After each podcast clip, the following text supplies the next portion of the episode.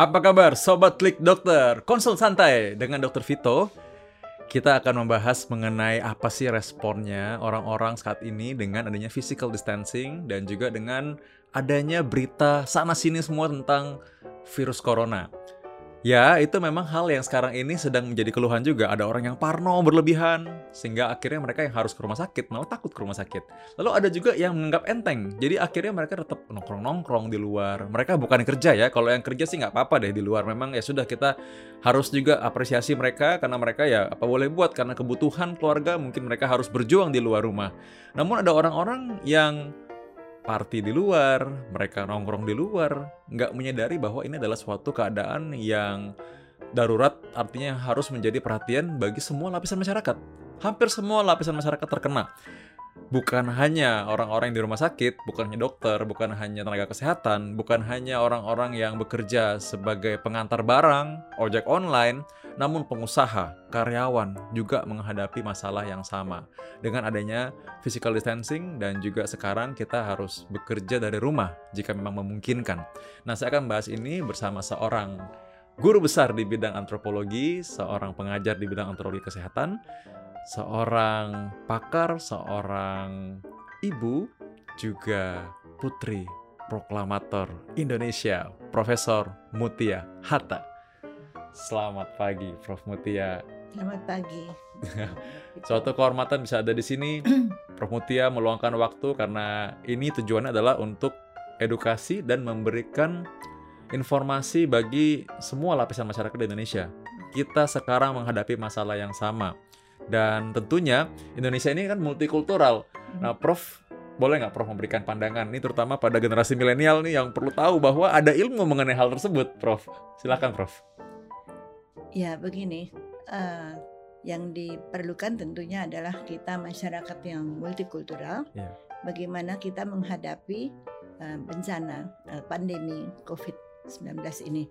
Nah, tentunya bagaimana sikap yang diharapkan dari masyarakat juga termasuk kaum muda uh, terhadap uh, pandemi ini adalah tentu tidak lepas dari kaitannya dengan uh, bagaimana pemerintah memberikan pendekatan pada rakyat.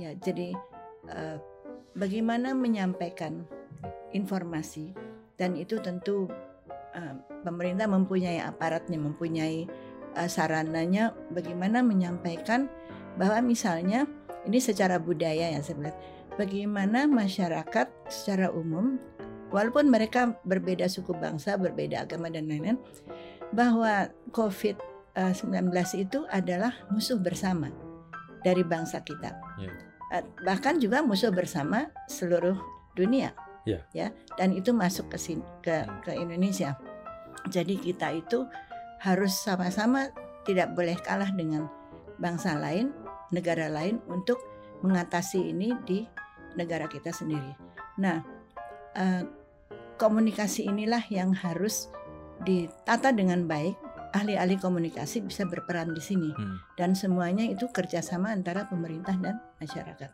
Nah, jadi tidak ada lagi persepsi yang keliru, interpretasi yang berbeda uh, dan ketidakmampuan untuk menyesuaikan diri. Sekarang ada physical distancing, yeah. ada social distancing itu bagaimana caranya? Nah, tentu ini harus dipahami bukan hanya dari segi kedokteran, tetapi juga dari segi budaya. Yeah bahwa kita ini masyarakat yang multikultural memang benar, tapi ada hal-hal yang yang bisa diangkat dari kearifan budaya masyarakat maupun hambatan budaya masyarakat yang ada bisa di uh, dikemas yang baik di apa ditampilkan digunakan tapi hambatan budaya itu diatasi. Misalnya bagaimana mencegah orang uh, apa terlalu kolot misalnya atau terlalu kolot gimana maksudnya Prof? kolot terhadap prinsip. Oh, prinsip. Yang Jadi, yang sebetulnya yeah, bisa yeah. ada jalan keluarnya yeah. ya. Nah, mereka tidak tahu tapi diberitahu baik-baik pasti juga mengikuti. Kemudian bagaimana cara hidup yang baik. Hmm. Dan kita tahu bangsa kita kan tidak semua hidup dalam kondisi status ekonomi yang sama dan jadi ada yang hidupnya susah, rumah berdempetan, yeah. kamar mandi pun saat uh, sewa ya. Karena sekampung gitu Prof. Iya. Aku lihat kamar mandi satu. Iya. Jadi kalau mau uh, buang air aja giliran Prof. Iya. Makanya keran juga tidak tersedia, iya. padahal harus sering cuci tangan. Iya. Nah, hal-hal seperti itu ada empati dari hmm. pemerintah, ada uluran tangan. Ya tadi uh, Anda dokter sudah mengatakan uh, soal orang-orang yang harus berada di luar karena yeah. mencari nafkah. Mereka tidak digaji tapi harus uh, mencari nafkah harian. Nah itu bagaimana? Yeah. Ya, uh, ada memang sudah pengumuman uh, bisa ini bisa itu, tapi implementasinya bagaimana? Hmm. Nah ini uh, kerjasama pemerintah dengan antar pemerintah ya pusat, daerah dan sebagainya dengan dengan bagaimana memahami masyarakat yang beda-beda persepsi, beda yeah uh, aktivitasnya karena memang ke kemampuan mereka cuma begitu. Lain dengan yang juga yang uh, bisa di rumah saja dengan nyaman. Eh, tidak nyamannya karena bosan itu ya, tapi bisa bekerja dengan baik. Tapi ini uh, rumah kecil anaknya banyak, uh, ya itu juga suatu hal yang bagaimana mental health uh, kesehatan mental berperan di sini ya. Dan juga di rumah sakit sendiri. Rumah sakit itu mempunyai budaya budaya rumah sakit. Tapi apakah dokter-dokter dan perawat itu ya personel kesehatan apakah mereka ikut diperhatikan? Karena mereka harus merupakan satu kesatuan budaya rumah sakit. Kita uh, mendengar banyak dokter uh, meninggal, yeah. perawat meninggal itu hmm. kan seharusnya tidak terjadi. Yeah. Sehingga Indonesia disebut paling banyak dokternya meninggal. Nah, itu kan tidak enak itu uh, untuk citra kita. Nah ini bagaimana diperbaiki ini itu sudah berjalan kita, tapi jangan sampai terjadi lagi. Nah jadi hal-hal yang sifatnya budaya jangan sampai terabaikan seperti itu. Nah saya kira anak-anak milenial juga uh, selain juga memahami ini musuh kita bersama, lalu apa yang bisa mereka lakukan? Pertama dari diri sendiri, hiduplah dengan baik sesuai aturan. Nah, misalnya uh, tidak apa bergaul uh, karena hanya kesenangan saja gitu. Memang di awal-awal saya lihat banyak orang termasuk kita tidak begitu sadar bahwa uh, tidak boleh apa bergaul di luar bersama-sama itu adalah karena menghindari transmisi. Berkerumun gitu ya, berkerumun, ya bergerombol ya kumpul-kumpul. Ya nah jadi sekarang sudah tahu, yeah. tapi itu harus diteruskan seperti Singapura sekarang sudah bebas dari apa namanya uh, masa masa masa isolasi karantina isolasi, ya. ya. ya. Nah di situ kan mereka juga me mengumumkan di dalam uh, apa media bagaimana cara hidup apa yang kamu boleh lakukan apa yang kamu tidak boleh lakukan itu masih ada pedoman uh, dan itu harus dipatuhi dan juga dikatakan nanti kalau melanggar sanksinya ini ini ini sampai mulai dari denda sampai penjara. Hmm. seperti itu kan. Nah saya kira kita tidak usah uh, terlalu ekstrim tapi uh, mem membuat mereka memahami. Dan uh, kita kebetulan yang paling banyak ini termasuk Jakarta kan. Hmm. Jakarta sebagai kota metropolitan tapi Jakarta juga multikultural sangat banyak. Nah memerlukan perhatian khusus tentang bagaimana kelompok yang satu dan kelompok yang lainnya itu berbeda budaya, tapi bukan berarti tidak bisa diatur. Karena kita sebagai bangsa Indonesia harus juga diajar melihat bahwa ini musuh bersama. Tantangannya bagaimana? Seperti pertama itu dulu ada masker ya sebetulnya masker itu sarana utama untuk melindungi diri hmm. tapi juga melindungi orang lain ya Nah, karena itu dengan cepat masker dibuat oleh ibu-ibu, baik itu uh, oleh organisasi atau modal sendiri atau apa. Uh, jadi kerjasama. Jadi di sini kerjasama antar berbagai peran, uh, bukan hanya kedokteran tapi ekonomi, budaya dan uh, termasuk unsur-unsur lain gitu, keamanan seperti itu harus bekerja sama uh, serentak bersatu. Dan ini tentu pengawasannya dari pemerintah yang mengorganisasikan pemerintah uh, dengan dalam program-programnya. Nah, kita harus uh, juga masyarakat mempunyai suara untuk mengat, me, me, apa, men, menyampaikan saran gitu. Sebaiknya begini, jangan begitu. Sebaiknya ada bantuan seperti ini, sebaiknya diatur seperti ini. Uh, juga misalnya peredaran video itu. Oh, itu, itu menakutkan. Ya. Itu memang nah, sangat membuat orang stres, Prof. Betul, ya. Seperti begini, saya melihat, ya. saya melihat uh, video di mana mungkin itu uh, seperti bank gitu ya. Yeah. Orang tergeletak yeah. di atas kursi, uh, kursi yang panjang itu dengan gemetar, uh, kejang. Hmm. Ya. Lalu orang panik. Tapi kemudian ada lagi seperti itu di tengah jalan, di pinggir jalan, ya disebut di mana. Tapi kita kan juga bertanya, kalau ada orang seperti ini siapa yang menolong? Ada pos pos pemberian pertolongan di mana? Hmm. Yeah. Nah seperti itu. Jadi ini tidak ada uh, videonya ada menakutkan, hmm. tapi pertolongannya di mana? Jadi solusinya Tidak, apa gitu ya Prof ya? nah, solusi-solusi ini yang juga harus diperbanyak. Iya. Saya kira itu. Iya. Dan bagaimana masyarakat ya masing-masing orang dan juga mungkin orang yang terdekatnya saling mengontrol bahwa menyebarkan video yang tidak edukatif, Betul. tidak informatif dan malah menakutkan sebaiknya ditolak saja.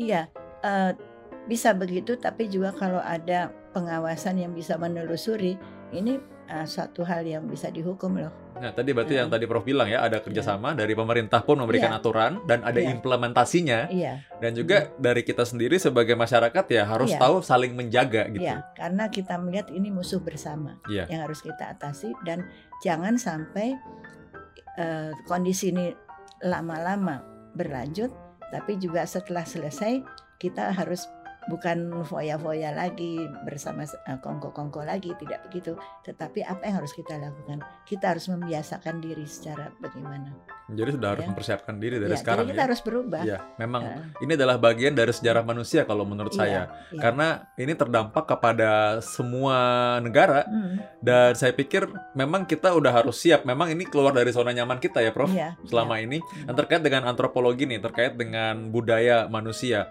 mungkin sekarang orang cenderung ada saling menyalahkan. Yeah. Nah, menurut saya itu kan tidak sesuai dengan citra orang Indonesia ya. Yeah. Saya taunya orang Indonesia itu harusnya malah gotong biasanya royong, gotong royong, saling tolong, saling tolong menolong, hmm. saling melindungi dan yeah, kita yeah. sebagai bangsa ini ya Prof Mutia adalah seorang cucu proklamator, mungkin menjadi saksi juga bagaimana hmm. dokter dokter Andes Hatta bisa memberikan apa ya pernah cerita mungkin sama Prof bagaimana sih pengalaman Prof dulu waktu masa-masa awal tuh Ya, uh, saya kebetulan anak pertama jadi mengikuti apa perjalanan ini republik ini ber, yeah. Iya. uh, berdiri ya. Uh, ya tentu saya lahir pada zaman kemerdekaan tapi yeah. tidak lama.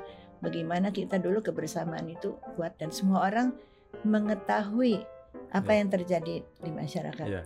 Nah sekarang ini tentu tidak bisa menyalahkan juga kemajuan teknologi tapi yeah ada perbuatan yang tidak ter terkontrol yeah. seperti hoax tadi itu yeah, yeah, dan dan yeah. atau uh, siaran yang diedit sehingga beda dengan yang realitas. Oh iya, iya benar itu itu sih itu. sangat niat sih ya. Prof. Dan dan sekarang kan Kominfo ketiban tugas yeah. ada kemarin itu 512 yeah. uh, berita yang hoax yang harus di yeah. masa uh, itu menjadi tambahan pekerjaan yang harusnya ditelusuri kenapa gitu. Yeah. Nah ini segi keamanan ini juga harus Benar. bertindak. Harus ada usaha khusus mengatasi ini. Yeah. Ya, jangan hanya mengatakan ini hoax atau tidak. Iya, gitu. iya. Itu kalau gitu ya. nggak ya. ada habisnya, Prof ya. Setiap ya, kali ya. ada keluar, oh ini bukan, ini jadi, enggak. Jadi cuma klarifikasi aja. Ya, keresahan itu ya. tidak diredamkan. Ya. Nah ini tidak diredam. Nah ini yang yang harusnya diatasi. Dan saya kira kita memang pemerintah adalah tugas negara ya, yeah. tugas dari uh, apa konstitusi pesan konstitusi yeah. adalah melindungi segenap bangsa Indonesia dan tanah tumpah darah Indonesia. Jadi berarti uh, semua pihak pemerintah dari pusat sampai ke daerah itu harus sinkron satu sama lain. Dan yeah. kalau ada kawan ada ada kondisi khusus di mana daerah merasa harus ada physical uh, distancing, distancing tadi. Ya. uh, secara lebih lama yaitu suatu keadaan darurat secara budaya bagaimana diatasinya yeah. mungkin karena masalah budaya juga itu terjadi ya karena ya tadi orang-orang misalnya sebaiknya tidak lebaran uh, yeah. pulang kampung atau berhari tapi, raya yang lain lah ya. Iya iya kan, atau atau yang lain-lain yeah. gitu. Di dalam periode ini ya yeah. uh, physical distancing itu. Uh, saya kira itu bisa harus bisa dipahami yeah. uh, uh, apa ada peraturan khusus atau penanganan khusus yang yeah. dipahami bahwa itu dari segi budaya. Gitu. Yeah. Ya budaya dalam arti luas ya yeah. seperti itu. Uh, kita kan sebelum ini juga banyak yang masih pesta-pesta. Iya, uh, betul, masih ada itu, ya. pesta, ya. pernikahan juga pernikahan, masih ada ya sebelum ya. sebelum ini sempat merebak ya, ya. Karena banyak orang belum sadar kenapa. Iya. Padahal masker itu uh, dan apa physical distancing itu sangat berbahaya yeah. dan ada masker maskernya belum tersedia yeah. kemudian juga seperti tadi budaya rumah sakit uh, perlengkapan buat uh, med medical personelnya hmm. uh, personel kesehatannya tidak terpenuhi dengan baik. Nah ini kembali mengenai kebudayaan dan juga mengenai manusia ya karena saya pengen sekali dengar pendapat Prof sebagai seorang pakar antropologi nih. Jadi di setiap negara ceritanya kan ada stereotip ya stereotype kalau bahasa Inggris ya jadi katanya orang Jerman tuh disiplin makanya mereka cukup bisa menangani masalah ini lalu orang Cina itu juga sangat perhitungan makanya mereka begitu terjadi wabah mereka bisa mengkonten itu dalam tiga bulan mereka bisa selesaikan walaupun sekarang ceritanya ada kasus baru lagi lalu di Italia kebanyakan rata-rata orangnya agak selengean gitu. Jadi makanya mereka kasus terbanyak kemarin. Amerika agak sombong-sombong ceritanya. Jadi mereka akhirnya menjadi sekarang malah yang paling banyak melewati Italia karena mereka anak-anak mudanya, Prof. Waktu diketahui bahwa ini wabah merebak, mereka disuruh kerja dari rumah. Anak-anak mudanya ini malah bilang gini, "Ah, itu kan katanya yang kena kebanyakan orang tua. Anak muda nggak apa-apa." Jadi mereka party-party di luar. Mereka nongkrong. Akhirnya sekarang malah apa? Anak-anak mudanya sebagian besar yang masuk rumah sakit dan mereka kehabisan ventilator, alat bantu nafas. Itu negara Amerika loh. Nah, Indonesia nih, ya, yang saya sedih adalah kebanyakan orang itu memang sih sekarang sama-sama struggle. Namun sebagian dari mereka ada yang masih bilang gini, ah Indonesia gimana tuh luar negeri aja gitu, gimana kita? Nah saya pribadi merasa nggak setuju karena menurut saya orang Indonesia harusnya bisa karena kita gotong royong harusnya budaya kita adalah tolong menolong. Nah menurut Prof bagaimana? Ya kita punya mekanisme budaya yang saling menolong. Iya. Uh, sudah ada tradisinya mm -hmm. dan karena itu jangan sampai tradisi ini dihambat artinya dihalangi sehingga gotong royong masih tetap berjalan. Nah uh, juga kalau dikatakan apa orang Indonesia tidak bisa disiplin atau begitu ya, yeah. saya kira kalau kita tahu musuh bersama kita apa dan mm. itu disampaikan baik-baik maka setiap orang setiap kelompok ya tidak peduli suku bangsanya apa sebagai orang Indonesia ini ada musuh bersama datang ke Indonesia pasti mempunyai sikap hmm. tertentu apalagi kalau pemerintah mengatakan ini harus begini karena kalau tidak yang terjadi adalah begitu ya jadi dipahami baik-baik nah tentu semua pihak bisa mem memperkuat uh, tapi musuh, uh, ide tentang musuh bersama dan cara penanganan yang baik seperti tentang masker tadi kan sekarang sudah banyak orang kita aja di sini tidak pakai masker tapi begitu keluar dari sini kan pakai lagi yeah. gitu. Hmm. Nah, jadi kita sudah patuh artinya uh, itu bisa diatur. Nah, saya kira juga yang penting adalah bagaimana pemerintah itu solid utuh di dalam bekerja sama melindungi segenap bangsa Indonesia. Jadi kita uh, saya harus mengatakan bahwa kondisi politik 2019 itu tidak menguntungkan bagi bangsa kita. Hmm. dan saya sudah merasakan ini dan saya sudah berkali-kali mengatakan pada eh, teman-teman uh, saya kelompok saya yang yang uh, potensial untuk me menyampaikan pesan. Tapi mungkin mereka juga uh, ada yang terbenam ke situ. Maka uh, progres yang dilakukan pada awal-awal ketika kita tahu bahwa Indonesia pun dalam bahaya hmm. pandemi ini, uh, misalnya pemerintah DKI melakukan apa-apa dihujat gitu, oleh yeah. pihak yang tidak suka kepada. Hmm. Nah, keterbelahan bangsa ini sudah harusnya lewat, tapi uh, apa jejaknya masih ada, bukannya bukannya menolong, memperbaiki, mengkoreksi apa yang sudah dilakukan yang masih belum cukup baik oleh pemerintah yang saya lihat di DKI ya karena saya tinggal di sini hmm. uh, tapi dihujat sehingga ini memperlambat memperlambat menghambat uh, upaya yang dilakukan. Tapi kalau semua itu uh, tidak boleh melihat lagi siapa yang bekerja, tapi pejabat itu adalah bekerja untuk rakyat. Hmm. Nah kita ini ada rakyat, ada pejabat, ada tokoh masyarakat semua itu harus betul-betul melihat musuh bersama seperti apa yang kita miliki dan bagaimana kita mengatasinya. Nah sebetulnya uh, kita juga memberikan bantuan bukan bukan apa pak tapi uh, demi kepentingan rakyat Indonesia. Jadi kita lupakan itu semua. Sekarang kita tidak boleh lagi terbelah-belah, kita harus bersatu. Karena kita lihat sendiri ketika hambatan itu masih uh, tidak dihalang, uh, tidak tidak diatasi dengan baik, korban kita banyak sekali kan, termasuk uh, orang-orang yang seharusnya tidak jadi korban, yeah. dokter-dokter. Hmm. Dan uh, saya kebetulan kenal sama salah satu profesor uh, uh, yang banyak sebetulnya yang uh, di kalangan UI banyak ya. Saya mengatakan, aduh itu kan mendidik dokter itu kan ber tujuh tahun ya paling sedikit dan paling sedikit uh, ya. baru hmm. uh, dengan pengalamannya yang berikutnya yeah. berpuluhan tahun hilang begitu saja. Hmm. Betapa ruginya kita.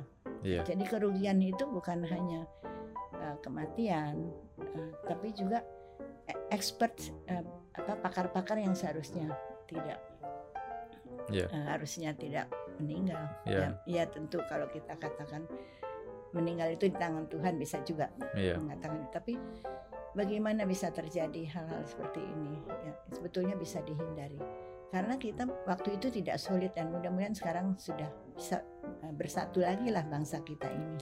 Iya, iya, benar. Bagi yang saya tangkap dari Prof Mutia adalah sekarang kita menghadapi masalah dan tantangan yang sama. Iya. Justru inilah ujian bagi bangsa kita ya. Iya, iya. Bagaimana kalau dulu kompetisi sudah selesai, nah sekarang kita bersatu sebagai bangsa nih. Nggak iya. usah kita lihat nih siapa yang Betul siapa yang melakukan ini, siapa yang melakukan kebijakan ini, ya jabatannya beliau sebagai pejabat berarti kan beliau harus melakukan itu. Ya terlepas dari ikhtiar beliau apa, ya kita ambil sisi baiknya dan kita sebagai bangsa ya sudah sama-sama memberikan solusi. Ya betul. Ya. Jadi kerjasama dan um, mencari solusi ya. bersama atau membantu, membantu supaya ya. bisa mempercepat. Ya.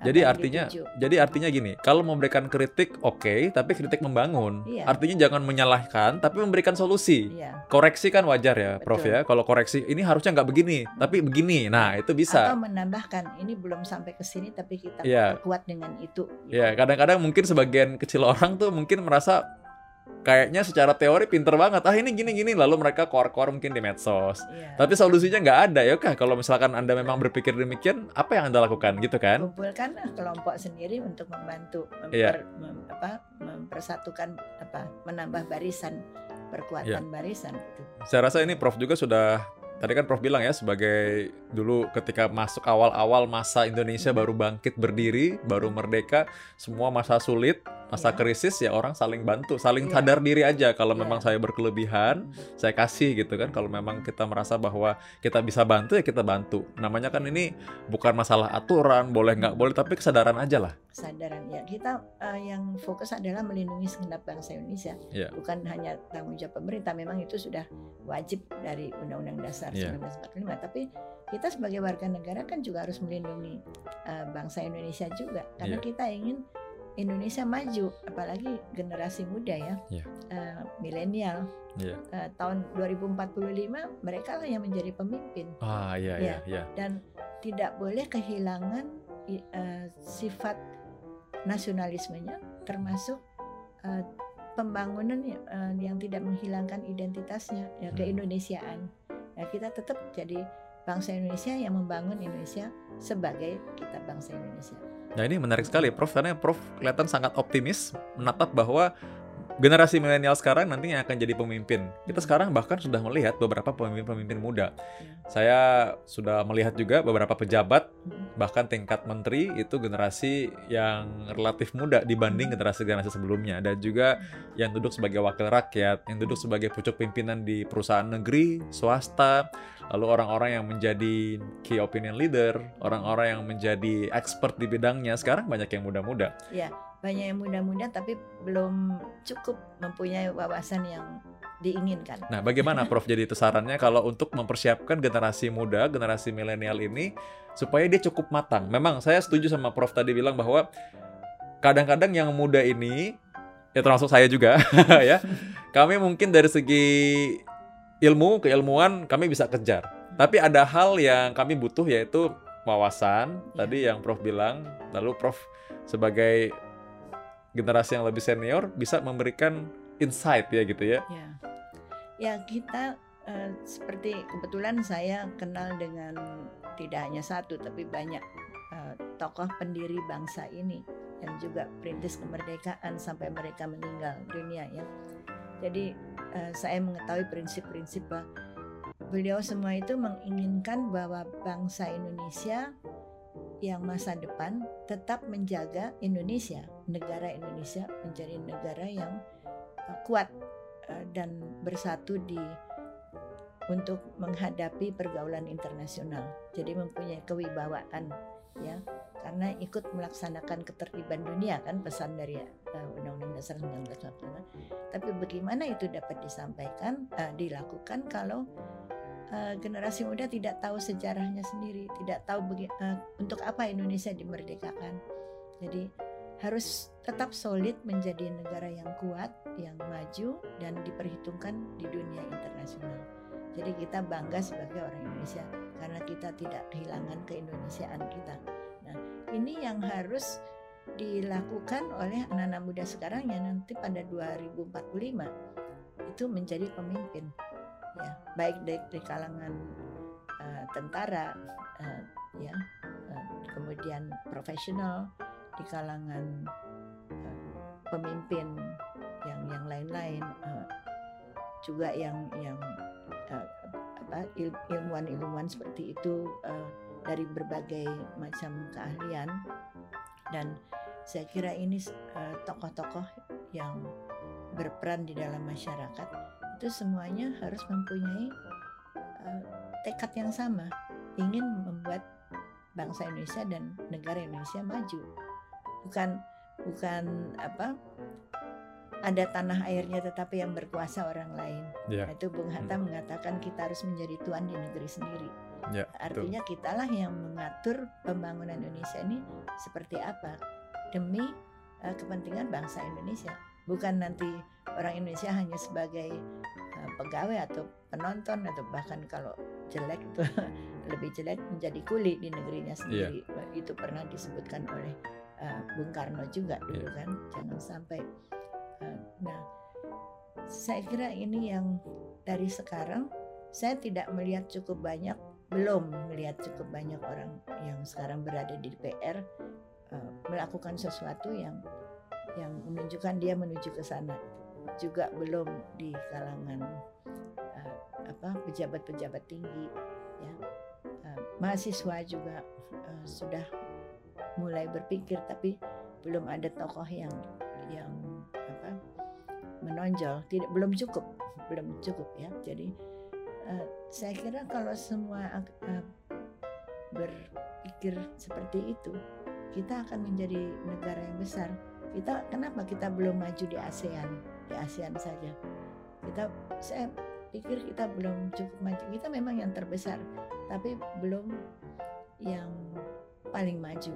Dalam hal-hal tertentu mungkin sudah tetapi kita masih tergantung pada uh, kekuatan ekonomi asing dan sebagainya gitu ya. Uh, jadi kita harus mempunyai kemampuan yang lebih dan itu oleh karena bangsa kita sendiri uh, mempunyai kekuatan uh, mempunyai semangat untuk membangun negeri uh, dan tidak kehilangan jati diri keindonesiaannya.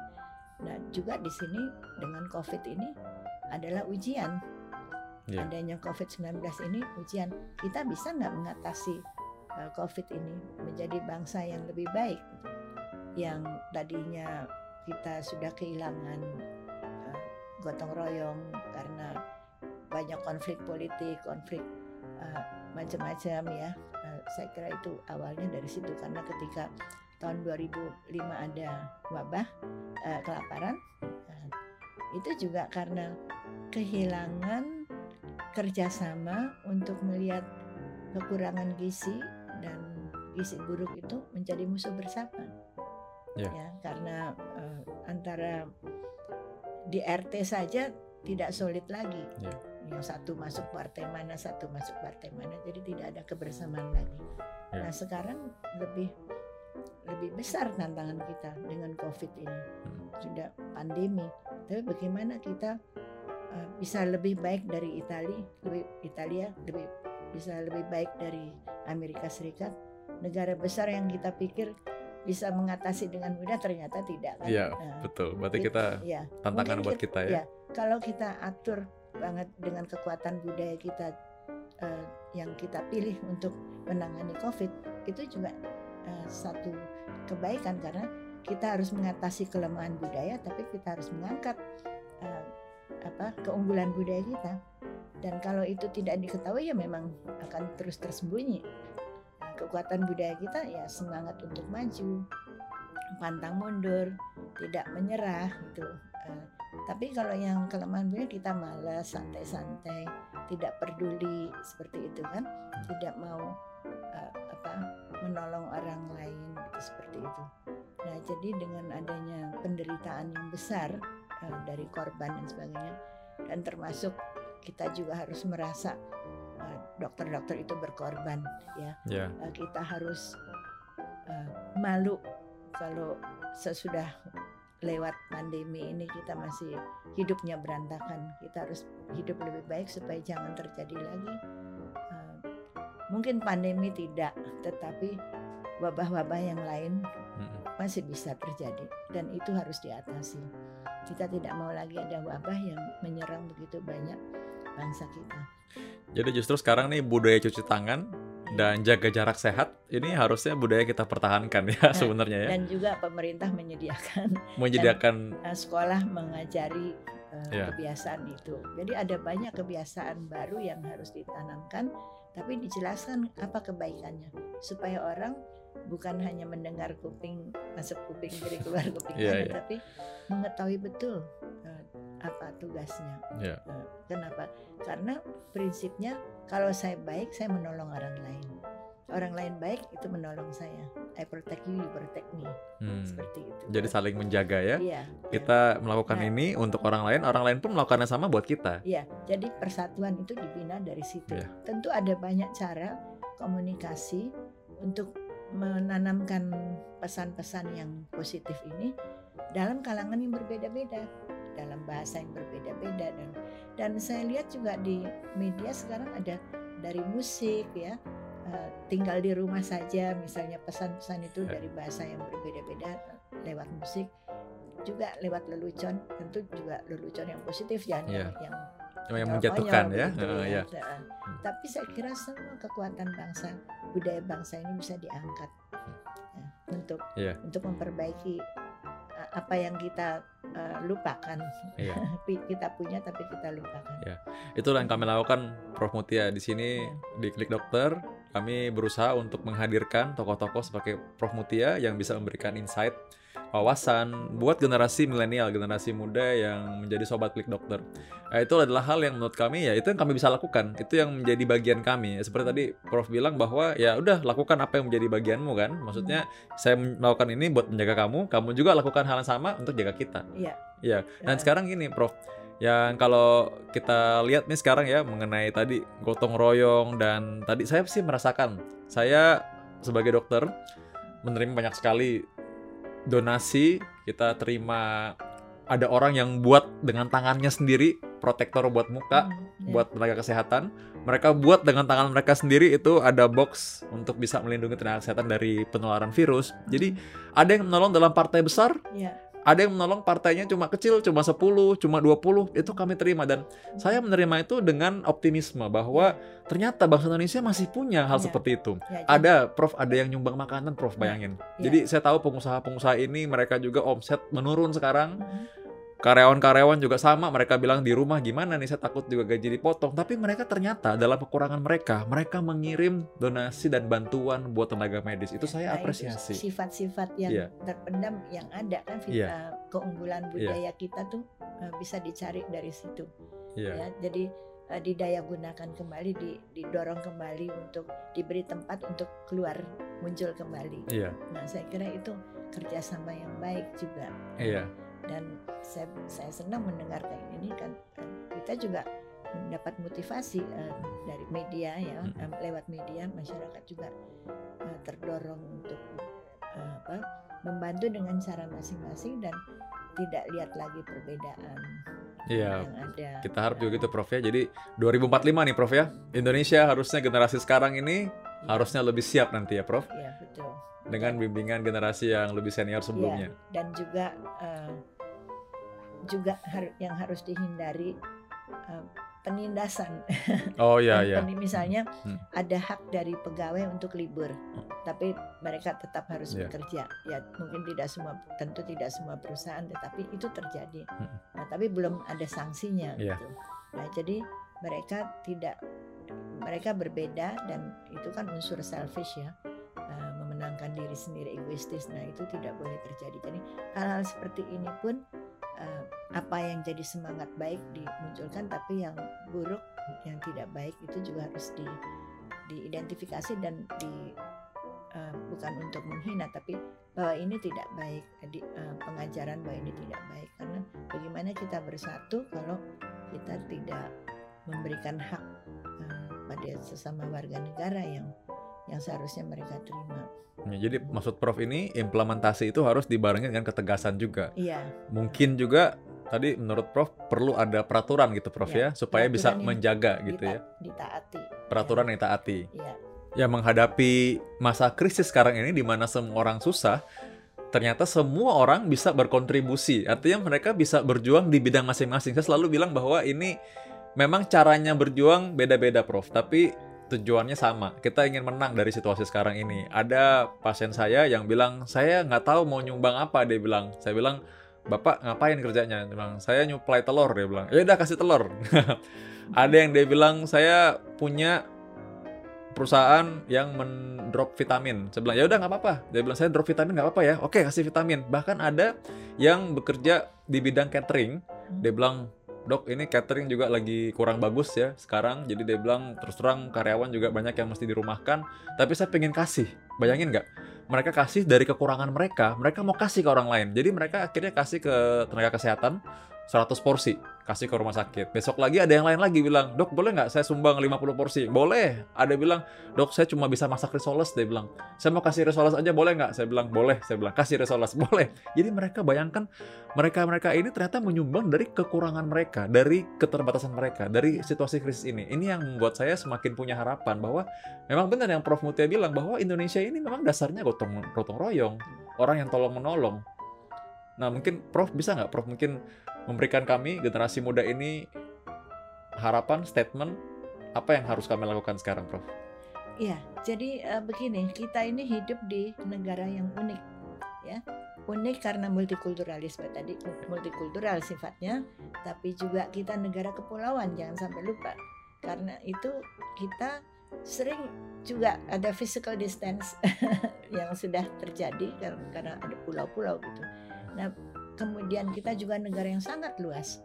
Dan kita juga uh, punya banyak uh, bahasa tapi kita punya satu bahasa persatuan Indonesia dan itu harus disyukuri. Jadi kita punya cara untuk bersatu ya. Uh, dan kita harus punya kebanggaan terhadap sejarah kita uh, kondisi artinya geografi dari negara kita dengan uh, macam-macam kekuatan sumber daya alam dan sosial budayanya dan itu yang menjadi penguat ya. Anak-anak ini eh, terutama harus belajar sejarah dan sebagainya itu uh, di sekolah tapi juga di dalam masyarakat harus ditumbuhkan nah ini pertama adalah membangun persatuan kembali. Kebersamaan kembali mempunyai negara yang bisa dibanggakan masyarakat yang dibanggakan.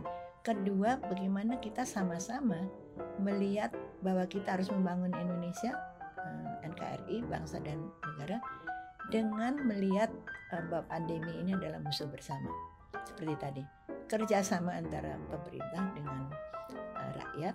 Uh, pemerintah sendiri harus solid dan rakyat juga bekerja sama. Seperti tadi cerita-cerita itu kan itu tumbuh sendiri dalam yeah. periode kapan kita mulai sadar kan hmm. awal Maret kan hmm. sampai dengan sekarang pertengahan April ya sebulan lebih sedikit dan kita masih men harus menjalani lagi sampai uh, sampai nggak tahu kapan sih.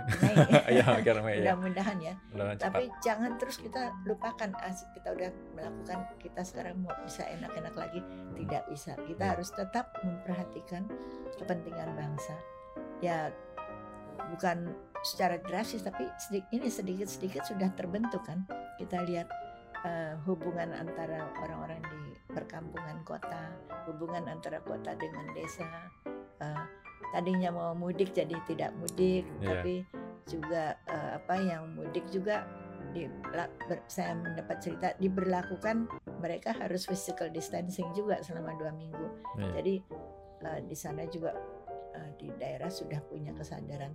Nah, saya kira antara daerah yang yang mempunyai uh, yang jadi sumber bencana yang banyak korbannya dengan yang tidak uh, banyak korbannya itu memang kita uh, lihat berbeda tapi harus tetap ada musuh bersama bahwa yang tadinya hanya satu 10 hari lagi bisa berubah jadi banyak. Yeah. kalau kita tidak uh, mempunyai prinsip tadi saya protect I protect you you protect me itu ya. Nah jadi itulah makanya kekuatan apa yang menjadi dasar bahwa kita menjaga Indonesia itu harus dimiliki oleh seluruh bangsa. Nah di sini kita uh, saya melihat bahwa bangsa Indonesia ini kalau diberi penjelasan yang yang tepat dengan cara komunikasi yang baik yang yang sesuai dengan uh, budaya masyarakat yang multikultural multikulturalisme itu tidak harus jelek. Uh, uh, tidak harus berarti kita tidak bisa bersatu. Bisa kita bersatu melalui multikulturalisme. Itu saya melihatnya demikian. Nah jadi ada hal-hal yang bisa dipersatukan oleh justru oleh multikulturalisme ini. Nah, kebudayaan nasional kita harus diperkuat bahwa kita sesama bangsa Indonesia dalam kehidupan berbangsa dan bernegara. Itu juga tidak boleh dilupakan karena itu pelajaran sejarah geografi bahasa Indonesia dan uh, sosial budaya antropologi itu harus dipahami ya. Dan saya kira dengan demikian maka uh, dalam masa depan uh, tentu 2045 anak-anak muda yang sekarang nanti menjadi tokoh itu sudah lebih siap daripada yang sekarang menjadi tokoh. Harusnya ya, belajar umur, banyak ya. Iya, umur-umur yang menjadi tokoh. Uh, mereka harus belajar dari kekurangan sekarang untuk ke depannya tidak boleh artinya begini bukan tidak harus bisa lebih baik lebih baik mestinya. Iya, jadi sebagai bangsa kita semakin dewasa juga. Ya, ya karena generasi mudanya juga semakin baik kan? Ya. sebagai bangsa utuh berarti kita semakin ya, baik mestinya. tanpa kehilangan jati diri Indonesia. Ah itu yang penting. Saya juga kemarin memang selama ini kalau saya punya tugas untuk presentasi ke di luar negeri presentasi ilmiah saya hmm. selalu pakai batik. Terakhir ya. kemarin di Jerman musim dingin semua pakai jas. Saya paksain pakai batik biar kelihatan nih orang Indonesia di sini ya, gitu. ya. di Jerman kemarin. Ya Yeah. Jadi kita hmm. uh, dengan identitas keindonesiaan yeah. kita membangun Indonesia tanpa menghilangkan jati diri. sifat keindonesiaan itu sifat dari ya, dari apa yang kita bangun. Berawal dari kebanggaan dan pengetahuan kita akan sejarah juga. Bagaimana yeah. sih Indonesia ini awal didirikan? Yeah. Bagaimana sih kita awal bisa melalui masa-masa yang sulit sehingga menjadi bangsa yang besar seperti yeah. sekarang ya? Dan juga kekuatan budaya Indonesia yang bisa didayagunakan untuk membangun Indonesia di masa depan. Iya, yeah. wah baik yeah. Prof. Prof ini karena waktu aja akhirnya yeah. kita mesti udahan ngobrolnya, tapi saya sangat menikmati. Mudah-mudahan suatu waktu kita bisa kembali ngobrol sama Prof Mutia. Prof Mutia semoga sehat-sehat selalu ya. Uh, izinkan saya menutup ini dengan analogi bahwa kita sebagai bangsa dan negara ini seperti kalau saya sebagai dokter saya memandang sebagai badan yang punya banyak anggota tubuh. Kalau satu yang merasa sakit maka yang lain pun harus merasa pasti merasa. Iya. Sehingga apa? Kita pasti mau sama-sama sembuh. Nggak ada orang yang ingin sembuh cuma sebagian. Tentu kalau kita ingin melewati masa krisis ini, kita harus melewati sama-sama. Tidak ada yang terlupakan, no one left behind. Semua kita saling tolong. Kita melakukan ini, saya mengutip Prof. Mutia tadi, saya melakukan yang benar karena saya ingin menjaga Anda, Anda juga lakukan yang benar karena Anda ingin menjaga kami semua. Hmm. Jadi kita sama-sama akan lewati ini sebagai satu badan yang sehat, badan yang tumbuh yang kuat, dan menjadi lebih dewasa di kemudian hari, sehingga siap menjadi pemimpin 2045. Baik, Prof. Mutia, terima kasih. Konsul santai, sampai ketemu di episode selanjutnya.